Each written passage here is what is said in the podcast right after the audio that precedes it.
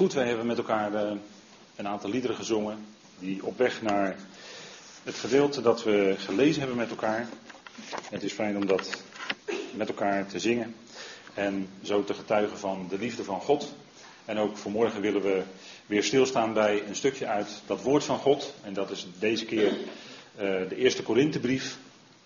En het eerste hoofdstuk, een aantal versen. We hebben dat met elkaar gelezen en we willen daarover na gaan denken. En voordat we dat doen, wil ik eerst graag met u bidden. Vader, we danken u dat we op dit moment ons bewust zijn dat het verstaan en het diepe begrijpen van uw woord alleen maar door u in ons gewerkt kan worden. Daarom bidden u, Vader, wilt u ons leiden door uw geest.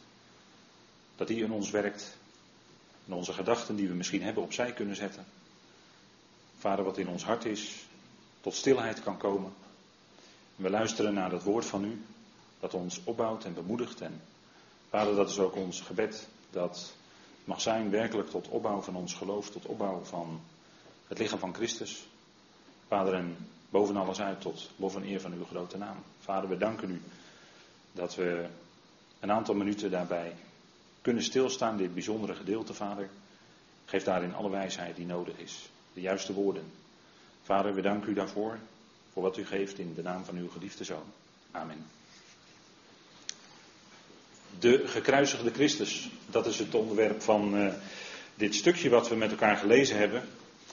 We hebben de woorden misschien nog in onze gedachten naklinken uit uh, dat 23e vers van uh, dit stukje. Wij prediken of wij verkondigen Christus de gekruisigde. En daar gaat het om. Dat is het centrum van, als je het hebt over evangelie, dan gaat het om hij die gekruisigd werd en hij die ook is opgewekt uit de dood. Paulus schrijft deze brief aan Korinthe, dat was een havenstad in die tijd waarin hij leefde, ongeveer 2000 jaar geleden. En dat was een uh, stad waarin veel aan de hand was, veel rondging. En de mensen in die stad die stonden ook bekend om hun uh, nogal uh, losse levensstijl. De uitdrukking is daarvan bekend van leven als een Corinthiër. En dan, dat was geen positieve opmerking in die tijd. Die rondging daar in die Griekse wereld. Paulus kwam daar, hij heeft daar gepredikt, er is daar een gemeente ontstaan. En in die gemeente was van alles aan de hand. En als we dan komen in dat tiende vers, als aanloop naar het gedeelte van vandaag, dan heeft Paulus wel genoemd in die eerste negen versen dat hij dankbaar is voor de genade in Christus Jezus die hen geschonken is. Dat ze tot geloof waren gekomen. Dat ze met elkaar gemeente, een lokale gemeente zijn. En Paulus spreekt hen dan aan na die eerste negen versen, waarin hij geweldig tegen hen zegt dat ze geweldig rijk waren geworden in alle kennis van het woord, kennis van Christus Jezus. Ze waren tot geloof gekomen en ze waren rijk geworden in Hem. Daarom brak het niet aan. Maar Paulus schrijft deze lange brief. En dan blijkt als je deze brief leest dat hij veel heeft te zeggen over deze gemeente. En daarom zegt hij ook in vers 10: Ik spreek jullie aan. En dat doet hij eigenlijk die hele brief. Hij spreekt aan. En als Paulus aanspreekt, dan kan dat bemoedigend zijn. Kan het vertroostend zijn. Maar het kan ook iets in zich hebben van uh, ja, aanmoedigen in de zin van er zijn dingen aan de hand en zoals in die gemeente waren er onder andere uh, splitsingen. Hè? In dit vers wordt het woord scheuringen genoemd. En hij zegt dan: Ik spreek jullie aan, broeders. En als hij dan het woord broeders zo expliciet ook gebruikt, dan is dat al nadrukkelijk. Door de naam van onze Heer Jezus Christus. Dus dat is heel ernstig aanspreken dan, hè, als hij het zo inleidt. Hè. Door die naam. En dan zegt hij tegen ze, opdat jullie allen hetzelfde zeggen. En kennelijk, in die gemeente in Korinthe, was het dus niet zo. Anders zou Paulus dit niet hoeven zeggen. Dat jullie allen hetzelfde zeggen. Maar er waren in die gemeente diverse groepjes, hè? dat hebben we niet gelezen, maar in vers 11 staat dat de een zegt ik ben van Paulus, de ander zegt ik ben van Apollos, de ander zegt ik ben van Kefas, weer een ander zegt ik ben van Christus. Verschillende groepen. En die zeiden dus niet allemaal hetzelfde. Ze liepen verkondigers van het evangelie achterna. Terwijl het gaat bij Paulus om de gekruisigde Christus. Paulus was er niet om uit om op een eigen groep of zo te stichten. Een soort uh, Paulusgroep of zo. Daar ging het hem niet om. Hij wees naar de gekruisigde Christus. En kijk, het kruis heeft daar 2000 jaar geleden gestaan. En daar kun je niet omheen. Dat is historie, dat is geschiedenis. Hij heeft daar gehangen. En wat is de betekenis daarvan? En de Corinthiërs die waren misschien ook wel aan het discussiëren met elkaar over de betekenis van het kruis. Dat zou ook nog kunnen. Maar Paulus zegt, en daarvoor wordt hij gebruikt door God, door de Heer, om die gemeente aan te spreken, want Paulus is alleen maar het kanaal, meer niet. Hij spreekt die gemeente aan en hij zegt dat jullie allen hetzelfde zeggen. Want het woord van God, daar bestaat geen misverstand over. als je de waarheid wil volgen, dan kom je uit bij dat woord. Hetzelfde denken, dat gaat dus om ons innerlijk, ons denken. En denken heeft alles te maken met je hart, volgens de schrift. Dat jullie hetzelfde denken. En dat denken zou dus aangepast worden door het woord.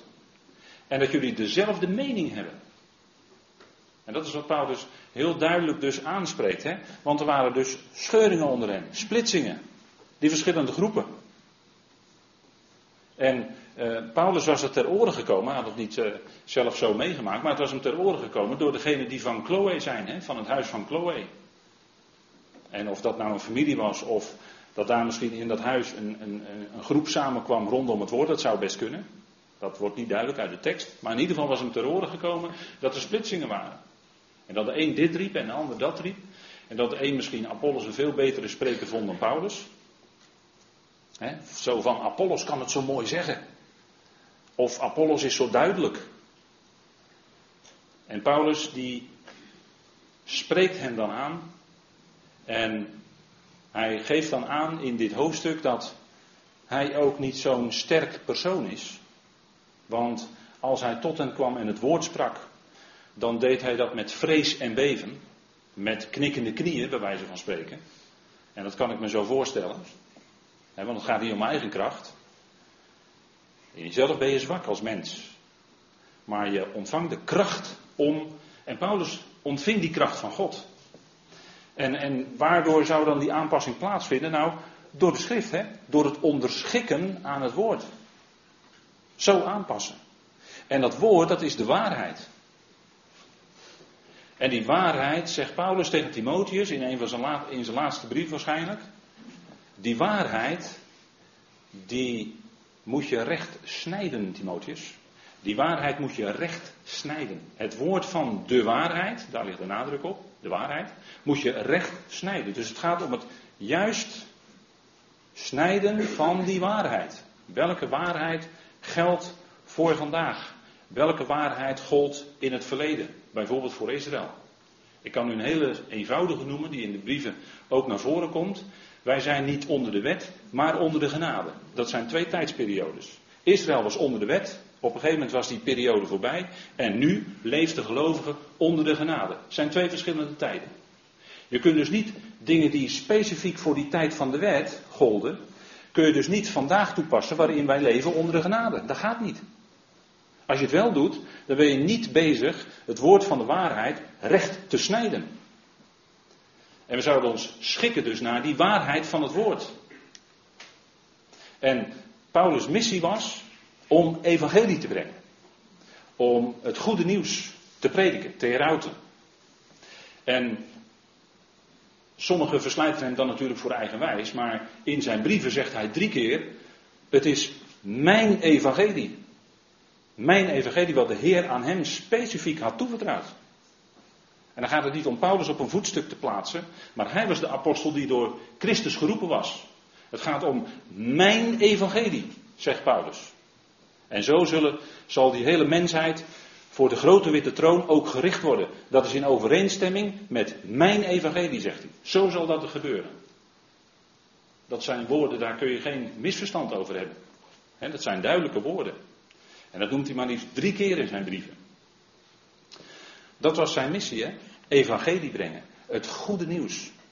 Het goede nieuws aangaande God, die liefde is. God is liefde. En in zijn onmetelijke liefde en wijsheid heeft hij zijn zoon gezonden naar deze wereld. En die zoon die kwam ten diepste als mens om te sterven aan het kruis. En zegt hij, ja, wat, dat is helemaal geen goed nieuws. Iemand die 2000 jaar, 2000 jaar geleden daar aan een paal hing, te sterven en doodging. Hoe kon je dat nou voor elkaar krijgen om daar nou goed nieuws? En, en kracht, Paulus spreekt over kracht, het woord van het kruis is kracht. Hoe kan dat nou? Wat, wat, wat kan ik daarmee? Hè, zou de mens van vandaag zeggen. Zo, zo iemand die daar aan het kruis hangt. Ik kan er niks mee, zeggen ze dan. Maar het gaat om iets te gaan begrijpen van wat God heeft gedaan toen hij aan het kruis hing. Wat, wat, wat dat betekende. Wat dat dus geestelijk betekent. Dat is belangrijk voor ons om te weten. Hij zegt, ik kom jullie evangelie brengen, niet in wijsheid van woorden. Want dat was in die, in die tijd was dat echt uh, geweldig. Hè? Er waren van die Griekse redenaars, hè? retoriek. Die konden geweldig spreken met geweldige volzinnen en uh, geweldig, uh, ja misschien wel poëzie en proza noem alles maar op. Hè? Geweldig spreken en Paulus niet. Paulus was niet zo'n geweldige spreker.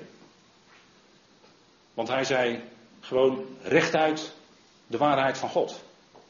Niet met allemaal mooie woorden. Niet met wijsheid. Niet met, eh, want met woorden, kijk, woorden kun je op twee manieren gebruiken. Hè. Er zijn nogal wat mensen die een heleboel woorden gebruiken, maar dan juist ze gebruiken om dingen te verbergen. Dat kan. Zo kun je woorden ook gebruiken. Maar je kan ook woorden gebruiken om dingen te laten zien, om dingen te openbaren, om dingen te onthullen. En dat doet Paulus. En daar zit de mens niet altijd op te wachten. En toch is het goed nieuws. En hij zegt dat evangelie, en dan zegt hij niet met wijsheid van woorden, zoals die Griekse redenaars in die tijd konden, maar dan, want dan zou het kruis van Christus leeg gemaakt worden.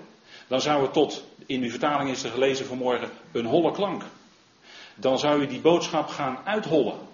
Dat kan ook. Zodat het uiteindelijk een lege huls wordt. Maar Paulus doet het niet. Hij gebruikt geen wijsheid van woorden. Paulus komt to the point. Paulus zegt precies, rechtuit, zoals het voor de mensen duidelijk is. En dat wordt lang niet altijd gewaardeerd. Hè? Maar wijsheid van mensen, mensen gaan erover redeneren. En waar die Corinthiërs misschien ook wel bezig, hè? onderling. Paulus uh, roept dan uh, hè, de, degene die steeds maar erover willen praten of discussiëren, die roept hij ook op hè, in, dit, in stukje. Waar is dan die discussieerder van deze Aion? Van deze Aion. En deze Aion is een boze. Dat vergeten we wel eens. Maar we leven in een boze Aion. En als je de nieuwsberichten leest, hè, waar de liturg ook al even op wees vanmorgen. Als je de nieuwsberichten leest, dan herken je dat wel. Ja, we leven in een boze Aion. En dan kan het misschien voor uw of voor jouw leven allemaal nog wel van een lijn dakje gaan. Maar we leven in een boze aion. En die discussiëren van deze aion, daar zit dus iets achter. Ter discussie stellen van. Kijk, en de tegenstander, die heeft ook een evangelie. Ja, ik kan het eigenlijk geen evangelie noemen, maar die heeft ook een boodschap. Dat is de wijsheid van de wereld. En die zet Paulus hier tegenover de wijsheid van God. Kijk, de wijsheid van de wereld is erop uit van hoe kan ik mezelf verbeteren? Hoe kan ik steeds maar beter worden? Kortom, hoe kan ik zelf God worden? Dat was al in, in, de hof, was dat al aan de hand. Toen zei hij dat. Als je nou van die boom eet, van kennis van goed en kwaad, dan zul je worden als God. Dan ga je hoger opklimmen. In de vaart van de volkeren of zo. Daar word je beter van. Maar al die ontwikkeling, alles wat wij maar ons inspannen als mensen om om onszelf beter te maken, om de wereld beter te maken. Kijk nu eens in de wereld rond. Hoe is dat? Hoe is dat gegaan? Wat heeft dat opgeleverd aan verbetering? Dat is wat de wijsheid van de wereld naar voren brengt. jezelf verbeteren, steeds maar jezelf omhoog werken, om uiteindelijk zelf God te worden. En, en als je met mensen erover praat van joh, weet je iets over God, dan zeggen ze, dan zijn sommigen nog zelf, die gaan zo ver van, joh, God, dat ben ik zelf. Dat ben ik zelf, ik ben zelf God. Zeggen mensen gewoon. maar dan zie je dus waar, waar het uiteindelijk in die leegheid van denken toe leidt. Hè? Die andere boodschap. En daarom wil men dat uitrollen. En voor ons, voor ons is het heel belangrijk om, om geestelijke bakens te hebben. Wat is nou een baken voor ons als gelovigen? Waar kun je nou aan vasthouden? Wat zijn nou de kernpunten? die bakens, kijk, zo'n vuurtoren is voor schepen, met name in de nacht, een baken, een geweldig baken van hé, hey, daar is vasteland. En dan weet je hoe je moet varen. En op zee zijn er allerlei bakens. En als je onderweg bent in je autootje en je rijdt ergens naartoe, dan is het ook fijn om eh, bepaalde vaste punten te hebben in het landschap. Van hé, hey, ik moet naar dat dorp, dan zie ik daar een, eh, een, een of andere torenspits. Daar moet ik zijn. Een baken. Daar kun je naartoe. Dat is een oriëntatiepunt. Want je kun je natuurlijk als mens afvragen, ja maar, en dat doet ieder mens op een gegeven moment, eh, waar ben ik? Wat doe ik hier eigenlijk? Waar ben ik nou eigenlijk mee bezig? En als een mens helemaal gedesoriënteerd is, dan, dan heeft hij dat helemaal niet meer, dan heeft hij geen houvast meer. En het punt is dat voor ons zijn die oriëntatiepunten, zijn die bakens, die vaste dingen, die zijn geestelijk, die zijn onzichtbaar, die zien wij niet. En dat was het probleem ook bij die Corinthiërs, die waren bezig met de zichtbare dingen. Paulus zegt, jullie zijn nog vleeselijk. En het kenmerk is van vleeselijk zijn is dat je bezig bent met de zichtbare dingen. Dat je helemaal gericht bent, georiënteerd bent op nu, op de wereld om je heen. Nou, Paulus zegt, wij zouden niet georiënteerd zijn op de wereld om ons heen. Maar iets heel anders. Want het eerste en belangrijkste oriëntatiepunt voor ons als gelovigen is het kruis. Het kruis, waar het hier over gaat in dit stukje. Dat is ons belangrijkste baken. Dat is ons fundament. En 2000 jaar geleden stond daar dat kruis, daar hing de Heer Jezus Christus aan. En daar kun je niet omheen. Dat heeft daar gestaan. Dat is een vast punt. En Paulus zegt in Galaten 6, vers 14: Ik ben voor de wereld gekruisigd. En dan zegt hij iets wonderlijks. Dan zegt hij: De wereld is voor mij gekruisigd. Dat is de betekenis, de diepe betekenis bij Paulus. Als je hem daarop zou bevragen: Hoe zit dat met dat kruis? Dan zegt hij: De wereld is voor mij gekruisigd. Dat wil zeggen, alle oriëntatie, alle overbodige contacten. Het, onderhield Paulus niet met de wereld, hij was er wel in. Hij liep wel in die wereld rond, maar hij was niet van die wereld. En dat is de betekenis van het kruis. We zijn wel in de wereld, maar we zijn er niet van. We zijn er dood voor, in feite. Want dat is de werking van het kruis in ons leven. Dat, het is niet alleen hij werd daar gekruisigd voor ons. Dat, dat geloven veel gelovigen nog wel dat, er, dat hij voor ons gekruisigd werd. En dat is geweldig. Dat is geweldig. Heeft een enorme betekenis. Vergeving van zonde. Rechtvaardiging, komen we zo nog op. dat, heeft een enorme, dat heeft hij voor ons gedaan. Maar nu gaat het erom dat de werking van het kruis is dat het ook iets, niet alleen hij voor ons, maar dat het ook met ons iets gedaan heeft. Gedaan heeft. En het tweede oriëntatiepunt voor ons als, als mensen die uh, geestelijk gericht willen zijn. De Corinthiërs waren vleeselijk gericht, die waren gericht op de zichtbare dingen. Dus de geestelijke dingen, die zeiden hen niet zoveel. En ze hadden ook allerlei vragen daarover. Over hoe moet ik nou, wat, moet ik, wat mag ik nou wel en niet eten? Hoe zit het nou met het huwelijk? Hoe zit het nou hiermee? Hoe zit het nou daarmee? Talloze punten. Ze wilden het allemaal weten. En, en terloops zegt Paulus dan, als hij dat allemaal bespreekt, zegt hij, uh, de wereld, het uiterlijk van de wereld gaat snel voorbij. Broeders, de tijd is kort. Want de wereld is aan, voortdurend aan veranderingen onderhevig. Vandaag is het zus en over een week is het zo. En over een jaar is het totaal anders. Kan de wereld er weer totaal anders uitzien. Kunnen de dingen weer totaal anders gaan. Dus als je wil vastklampen aan de wereld, dan, dan wil je vastklampen aan iets wat voortdurend verandert. Maar dit, wat wij bespreken, zijn vaste punten voor ons geloof. Geestelijke oriëntatiepunten. Tweede punt, de opstanding. Zonder opstanding heb je geen evangelie. Dat is goed nieuws. En heeft het kruis ook pas een volle betekenis doordat hij ook is opgewekt uit de dood. Een heel belangrijk oriëntatiepunt voor ons. Hè? En nog zo'n baken is dat wij gerechtvaardigd zijn om niet. In zijn genade, zegt Paulus in Romeinen 3, door de vrijkoping in Christus Jezus.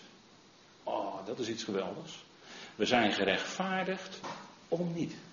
Als je een gelovige bent, dan ben je gerechtvaardigd. En er is niets of niemand die dat ooit meer ongedaan kan maken. Je bent gerechtvaardigd als gelovige. Kan nooit meer ongedaan gemaakt worden. Je bent vrij. Vrij van de claims daardoor van de zonde. De zonde is er nog wel, maar die zou op ons geen, geen overheersende macht meer uitoefenen. we zijn gerechtvaardigd om niet. Het is genade. We zijn verzegeld met de geest. Dat zegel kan nooit verbroken worden. Nooit. Dus dat is voor ons van, van fundamenteel belang. Hè? Dat we dit als, als vaste baken in ons geloofsleven kennen. Gerechtvaardigd om niet. Heer, wat geweldig. Daar kun je God elke dag voor danken.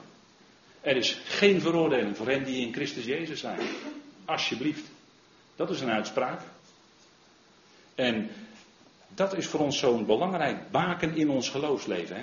Waar, we, waar we naar kunnen kijken. Dat is een vast punt. En als je daar met je scheepje, je levensscheepje, hè, op de, langs de goede kant langs vaart, dan is het goed. En elke keer heb je, hé, hey, dat baken, dat is er. Ja, gerechtvaardigd om niet. Is verzekerd voor altijd. En ook zo'n punt is onze toekomst. Onze toekomst ligt vast. voor ons de, als gemeenteleden is onze toekomst hier niet op aarde, maar is in de, in de hemel. we zeggen dan te midden van de hemelingen, te midden van die hemelse machten en krachten, daar zullen wij zijn in de toekomst. En in Christus zijn wij daar al gezet. Maar dat is een geestelijke waarheid. En misschien vindt u dat heel moeilijk om te pakken en vindt u het ongrijpbaar. Kan. Maar bid er dan voor. Dat God u dat duidelijk maakt. Want dat heeft consequenties. De toekomst ligt bij Hem in de hemel. dat is niet dat we in de toekomst eh, bij het orgel zullen lofzingen in de hemel of zo. Dat niet. Dat is het niet. Nee, maar de gemeente heeft een bijzondere bediening. Te midden van de hemel. Dat is onze toekomst. Daar gaan we naartoe. Wij kijken uit naar de bazuin. Ook zo'n vast baken hè, voor ons geloofsleven. En God doet alles, dat is ook zo'n vast punt hè, voor ons. God doet alle dingen samenwerken tot het goede. Dat is iets geweldigs. Dus Heer, maar het leven van mijzelf en van degene die u naast me heeft gezet, van mijn kinderen, van mijn kleinkinderen, Heer, dat leven is in uw hand. En wat er ook gebeurt aan moeilijke dingen. En ongetwijfeld komt er moeilijkheden. En komt er lijden. En komt er verdriet. En komt er ziekte en pijn. Dat, dat komt ongetwijfeld. Maar God doet alles samenwerken tot het goede, zegt hij in Romeinen 8. Dat is ook zo'n fijne uitspraak van de apostel. Die je voor je leven als baken kan neerzetten. Dat is zo'n vast geestelijk oriëntatiepunt voor ons. Als het moeilijk is, en de zee kan in ons leven heel hoog gaan, kan heel moeilijk zijn. Maar we beseffen heel diep, vader, dank u wel. Dank u wel. En zeg je misschien met tranen in je ogen. Of misschien lopen ze al een tijdje over je wangen als je dat bidt. Maar vader, dank u wel. Dank u wel dat u ook dit ten diepste zal doen medewerken ten goede. Ik snap het niet en ik heb er veel verdriet van. Maar ik klamp me vast aan wat u zegt. En u bent betrouwbaar. U bent trouw. En u doet het ten diepste toch samenwerken tot het goede. Kijk, dat zijn zo van die geestelijke bakens, van die geestelijke oriëntatiepunten. En die Corinthiërs, die rekenden daar niet met zulke vaste geestelijke punten. Die waren niet zo geestelijk ingesteld. Die waren meer bezig met hier en nu. Met ik. Maar als we die geestelijke waarden leren kennen van het evangelie, dan gaat je leven en gaat je hart vooral, dat is het belangrijkste, tot rust komen. Omdat je die vaste punten hebt. Kijk, dat is vastheid. Dat is vastheid, die zekerheid die niet in onszelf ligt, maar in Hem. En dat is waar God ons geloof toe geeft. En dan zegt Paulus, kijk, want het woord van het kruis is wel dwaasheid voor hen die verloren gaan. Maar voor ons die gered worden, is het kracht van God. Hoe kan dat nou? Dat zo'n zwak iemand als de Heer Jezus Christus op dat moment voor de wereld ogenschijnlijk zwak stierf aan het kruis. Hoe kan het nou kracht van God zijn. Hoe kan dat nou? Dan moet je kijken naar wat de gevolgen zijn van het kruis. Wat de effecten zijn. Hoe het uitwerkt. Op dat moment was het voor de Romeinen en was het voor de Grieken en was het voor de Joden een toonbeeld van zwakheid. En de tegenstander dacht dat hij het flink voor elkaar had. Tot de derde dag dat hij werd opgewekt uit de dood. En toen bleek alles ineens anders. Hè? Maar kijk, dat kruis betekent voor ons, en voor Paulus betekent dat zeker, het einde van zijn, ja, zijn, zijn wereld, hoe die, hoe die bezig was. En voor Paulus was dat hij, dat hij dood was voor die wereld, en de wereld voor hem was voor Paulus de wereld van het judaïsme waar hij in was. Daar had hij later geen verbindingen meer mee. Hij werd wel achterna gezeten en vervolgd door de Joden, dat wel. Ze hadden hem het liefst vermoord. Dat wel. Maar hij had daar geen betrekking meer mee. Dat judaïsme, hè, al die inzettingen van het jodendom enzovoort enzovoort, geen betrekking mee. Daar was hij dood voor. Werking van het kruis. En de oude mensheid hè, werd daar aan de kant gezet aan het kruis. Die oude mensheid werd met Christus mee gekruisigd. Die oude mensheid. Dat oude ik. Wat als we als gelovigen zijn zo goed kennen in de zin van dat oude ik probeert steeds weer die lelijke kop op te steken. Hè? Maar het kruis maakt daar een eind aan. Het is daar mede gekruisigd. En het gaat erom dat we dat als gelovigen gaan leren zien. Geestelijk gaan leren erkennen. En dat was bij die Corinthiërs ook aan de hand. Want kijk, hier zitten we in 1 Korinthe 1. Maar in 2 Korinthe 5 heeft Paulus het er nog steeds over. Dan zegt hij, één stierf voor allen. 2 Korinthe 5, hè. Die ene is voor allen gestorven. En dan zegt hij, dus zijn zij allen gestorven. Die hele mensheid dus, die hele oude mensheid. In feite die hele oude schepping is weggedaan aan het kruis. In Gods ogen. En dat is opdat zij die leven, dat zijn u en ik, die zijn tot leven gewekt. Nieuw leven ontvangen in Christus.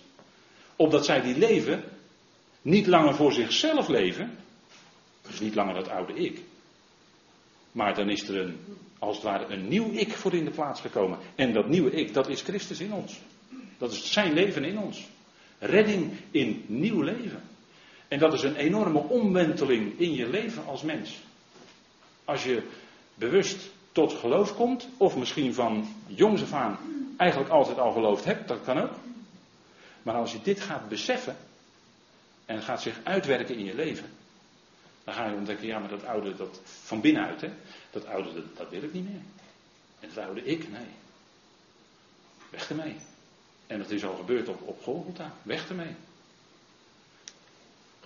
Kijk, het is een kracht van God. Hoe kan dat? Het is een kracht van God tot redding. En, en als gelovige zegt u van, nou dat ervaar ik dagelijks, die kracht. Heel fijn, heel fijn. En als we kijken naar die redding, dan is de betekenis van het kruis dat er vrede is gemaakt. God heeft vrede gemaakt in het bloed van het kruis. En daar verbindt Paulus dat woord bloed met kruis. En dat wil zeggen dat het een enorme schande was dat de zoon daar hing. Een enorme schandelijke dood. voor, voor veel christenen is dat een mooi ornament. He. Ik draag zo'n kruisje. Dan zeggen ze, ik draag zo'n kruisje hier, een ketting voor iedereen zichtbaar. Mooi ornament. Maar weet je wat werkelijk betekent? Het betekent schande. Hij werd daar veracht. Hij werd daar gehoond en bespot. Door de omstanders. Zelfs dan nog allereerst was hij door de enorme haat en verachting van de mensen, was hij daar al aan het kruis genageld geworden. En notabene toen hij daar hing, toen werd hij nog steeds bespot, gehoond en veracht. Terwijl hij zonder zonde was. Terwijl er één was die dat niet verdiende, was het hij. Maar hij deed dat voor ons. Uit liefde. Uit liefde tot de Vader allereerst. En uit liefde voor ons. Ongelooflijk. Hij heeft zichzelf helemaal gegeven. Tot en met, ja, tot in de dood, zegt Paulus. Ja, de dood van het kruis, zegt hij dan hè, in Filippenzen. De dood van het kruis. Dat zouden we niet moeten, hè, niet moeten onderschatten. En ik vind het ook zelf onterecht dat in het christendom één keer per jaar Goede Vrijdag is. Want we zouden daar vaker met elkaar over moeten spreken. Wat hij deed voor ons, de betekenis van het kruis. En dan is het niet, hè, met elkaar spreken is dan niet ik denk, ik denk, ik voel. Maar is wat zegt God, wat zegt de schrift en wat, wat zegt dat? Wat heeft het, dat te betekenen? Wat, wat komt daar aan liefde van God, aan, aan overgave van de zoon naar mij toe? Wat kan ik ervan leren? En wat, wat heeft voor mij als geweldige betekenis? En de betekenis is dat God door dat kruis heen verzoent. En eenheid tot stand brengt. Want ik denk dat Christus niet voor niets door Paulus heen deze dingen aan de Corinthiërs liet schrijven. Daar was verdeeldheid. Er was verdeeldheid in die gemeente. En hoe kom je nu tot eenheid? Nou, die eenheid van die geest, die is er. Die is er. En die zouden we bewaren. Maar wat is nou de basis voor die eenheid? Het kruis. Dat is de basis. Dat is de basis voor eenheid van gelovigen. Dat is toch het startpunt van ons geloof. En niet alleen het startpunt, waar we ooit in het begin goed bij stil hebben gestaan toen we zagen wat Hij voor ons, voor jou, voor mij deed. Maar dat kruis dat blijft een geweldige werking hebben in ons leven als gelovigen. Tot de laatste dag aan toe. dus die, die werking van het kruis is dat dat de basis is voor eenheid. En die wijsheid van de mensen, hè, Paulus heeft het nog even over de wijsheid van de wijzen, zal ik, zal ik niet doen. En het verstand van de verstandigen zal ik afwijzen. Nou, dat waren die filosofen van die tijd. Hè. Epicurus was er eentje voor, de Epicureïsche en Stoïcijnse wijsgeren, hè, weet je wel. In handelingen worden die genoemd. Epicurus was er eentje van. Ik zal u niet vermoeien met zijn filosofie. Dat is niet zo belangrijk. Veel belangrijker is wat we hier uit de schrift lezen. Maar dat ging vaak over filosoferen van hoe, hoe, hoe leef ik, waarom ben ik hier, waar ga ik naartoe. En kunnen ze prachtige volzinnen maken over dat we een heel klein onderdeeltje vormen van een groot geheel. Allemaal vaag, vaag, vaag. Het zegt me niks. En dat is ook wat God gedaan heeft. Hè? Hij heeft dat verstand van de verstandigen zou hij afwijzen. Was al een aanhaling uit Job. Hè? Waar is de wijze? Waar is de schriftgeleerde? Waar is de discussieerder van deze aion? Daar zijn we als mensen heel goed in, hè? Discussiëren. Sommige mensen hebben dat tot hun hobby gemaakt. Maar wat is dan het doel van discussiëren? Ben je nou aan het discussiëren om het discussiëren? En, en dan niks? Nou, dan is het ook niks. maar maakt God de wijsheid van deze wereld niet tot dwaasheid? Kijk, dat spreekt die Grieken aan, want die waren bezig met hun denken. Die waren bezig gericht op kennis. En het sprak ook de Joden aan, want dat is de schriftgeleerde. Hè? Waar is de schriftgeleerde? Dat was de Jood. Die was gericht op het doen. En het geweldige is dat de Heer aan het kruis het heeft volbracht. Het is volbracht. Fantastisch. En wat wij dan zelf in ons geloofsleven kunnen doen, is door zijn kracht. Maar geen eindeloze discussies, hè? Wij verkondigen Christus de gekruisigde, zegt Paulus. En hij vraagt dan ook aan de Corinthiërs, in dat 13e vers hebben we niet gelezen, maar is Paulus dan voor jullie gekruisigd? Als jullie dan zeggen van nou, ik ben van Paulus, of ik ben van Christus, of ik ben van Apollos, is Paulus dan voor jullie gekruisigd? Terloopse opmerking, maar niet zonder betekenis natuurlijk. Want hij gaat toekomen naar degene die voor hen gekruisigd is. En die zou het centrale punt zijn voor ons, Christus. Hij zou centraal staan in ons leven. En als hij echt centraal staat, en, en hij is de gekruisigde. dat, dat evangelie is inderdaad genade. En dan zeggen we dat is gratis voor niks, klopt, maar hij is wel gekruisigd daarvoor. Zelfs de dood van het kruis, zegt Paulus. Dat was diep lijden, dat was hoon ondergaan. Tot en met. Maar zegt dus Paulus, nee. Paulus zegt van zichzelf, met Christus ben ik gekruisigd. Dus hij wilde, in dat bewustzijn zeiden ja, en toch leef ik. Dat is het wonderlijke. Hè? Met Christus ben ik gekruisigd en toch leef ik. Dat is niet meer ik, maar Christus leeft in mij. En dan zegt hij, voor zover ik nu nog in het vlees leef. Hij leefde niet naar het vlees, want er waren lelijke Corinthiërs die zeiden, hij leeft naar het vlees. Maar hij zegt, ik leef niet naar het vlees. We leven wel in het vlees, maar niet naar het vlees. Zo maken we onze plannen niet. Paulus leefde niet naar het vlees. Maar hij zei, voor zover ik nog in het vlees leef, leef ik door het geloof. Welk geloof? Dat van de Zoon van God in mij. Zo leef ik. En omdat het oude ik weg is, je zou ook kunnen zeggen dat eigen leven, dat eigen ik, en dat is dus ook dat eigen denken en dat eigen noem alles maar op. Dat is meegekruisigd, eigenlijk. Alleen het kost voor ons mensen heel veel moeite soms om dat te gaan zien. En dan weet u wel, God is met ieder op zijn weg, op weg, in een proces. En dat was hij ook met die Corinthiërs toen. Maar die gekruisigde Christus stelt Paulus voor ogen bij de verdeelde Corinthiërs.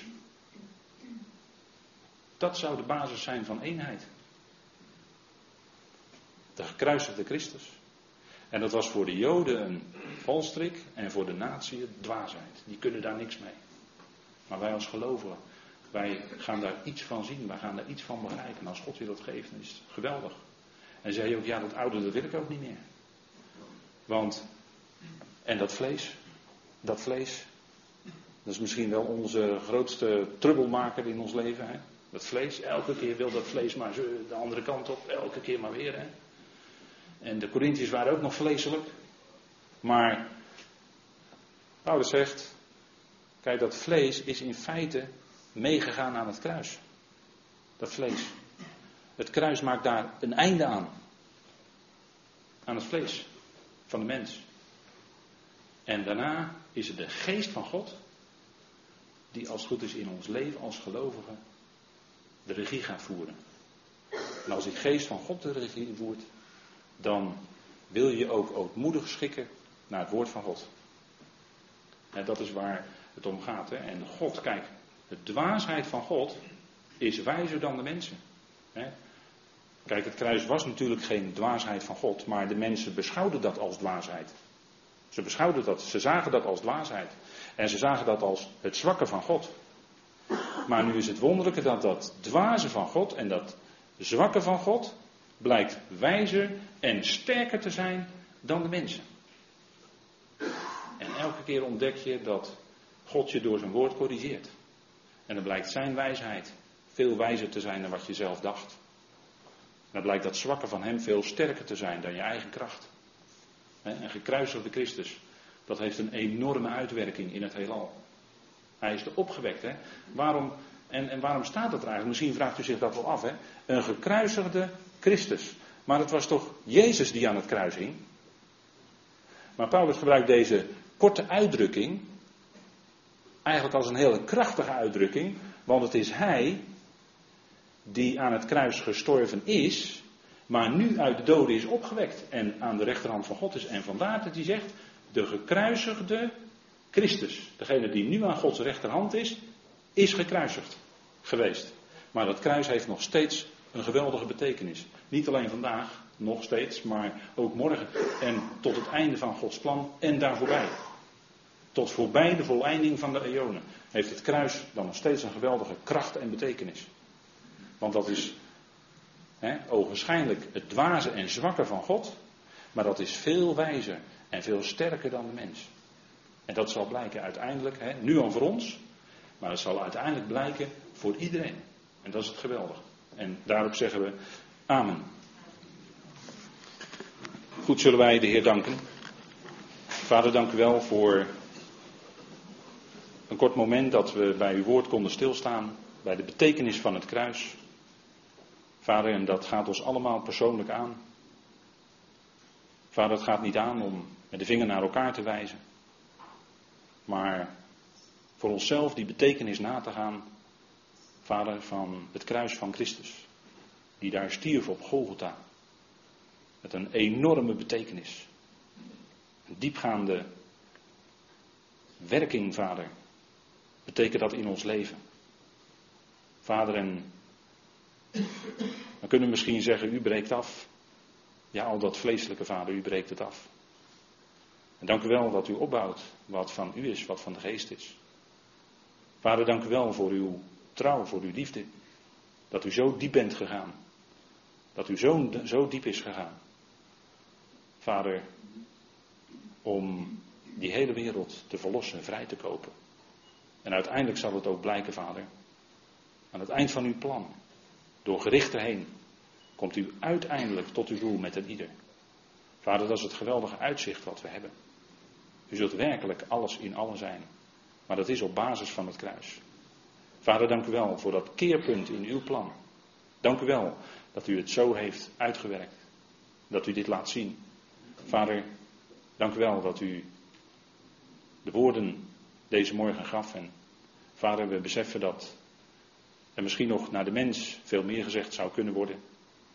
Maar vader, zo is het ook naar u. En we danken u, vader, voor die heerlijkheid die het op zal leveren. Vader, die heerlijkheid. Nu al voor de zoon zelf en binnenkort ook voor ons, vader, als wij verheerlijkt zullen worden bij de bazuin Gods. Vader, daar zien we naar uit. We danken u voor die genade. Vader, en mag dat woord van het kruis uit de brieven doorwerken in ons leven. Vader, opdat het vrucht mag dragen tot eer van u. Vader, daar bid u en daar dank u voor. En dank u, Vader, dat u met al diegenen bent die het op dit moment moeilijk hebben. Lichamelijke problemen kennen, ziekte, pijn dagelijks.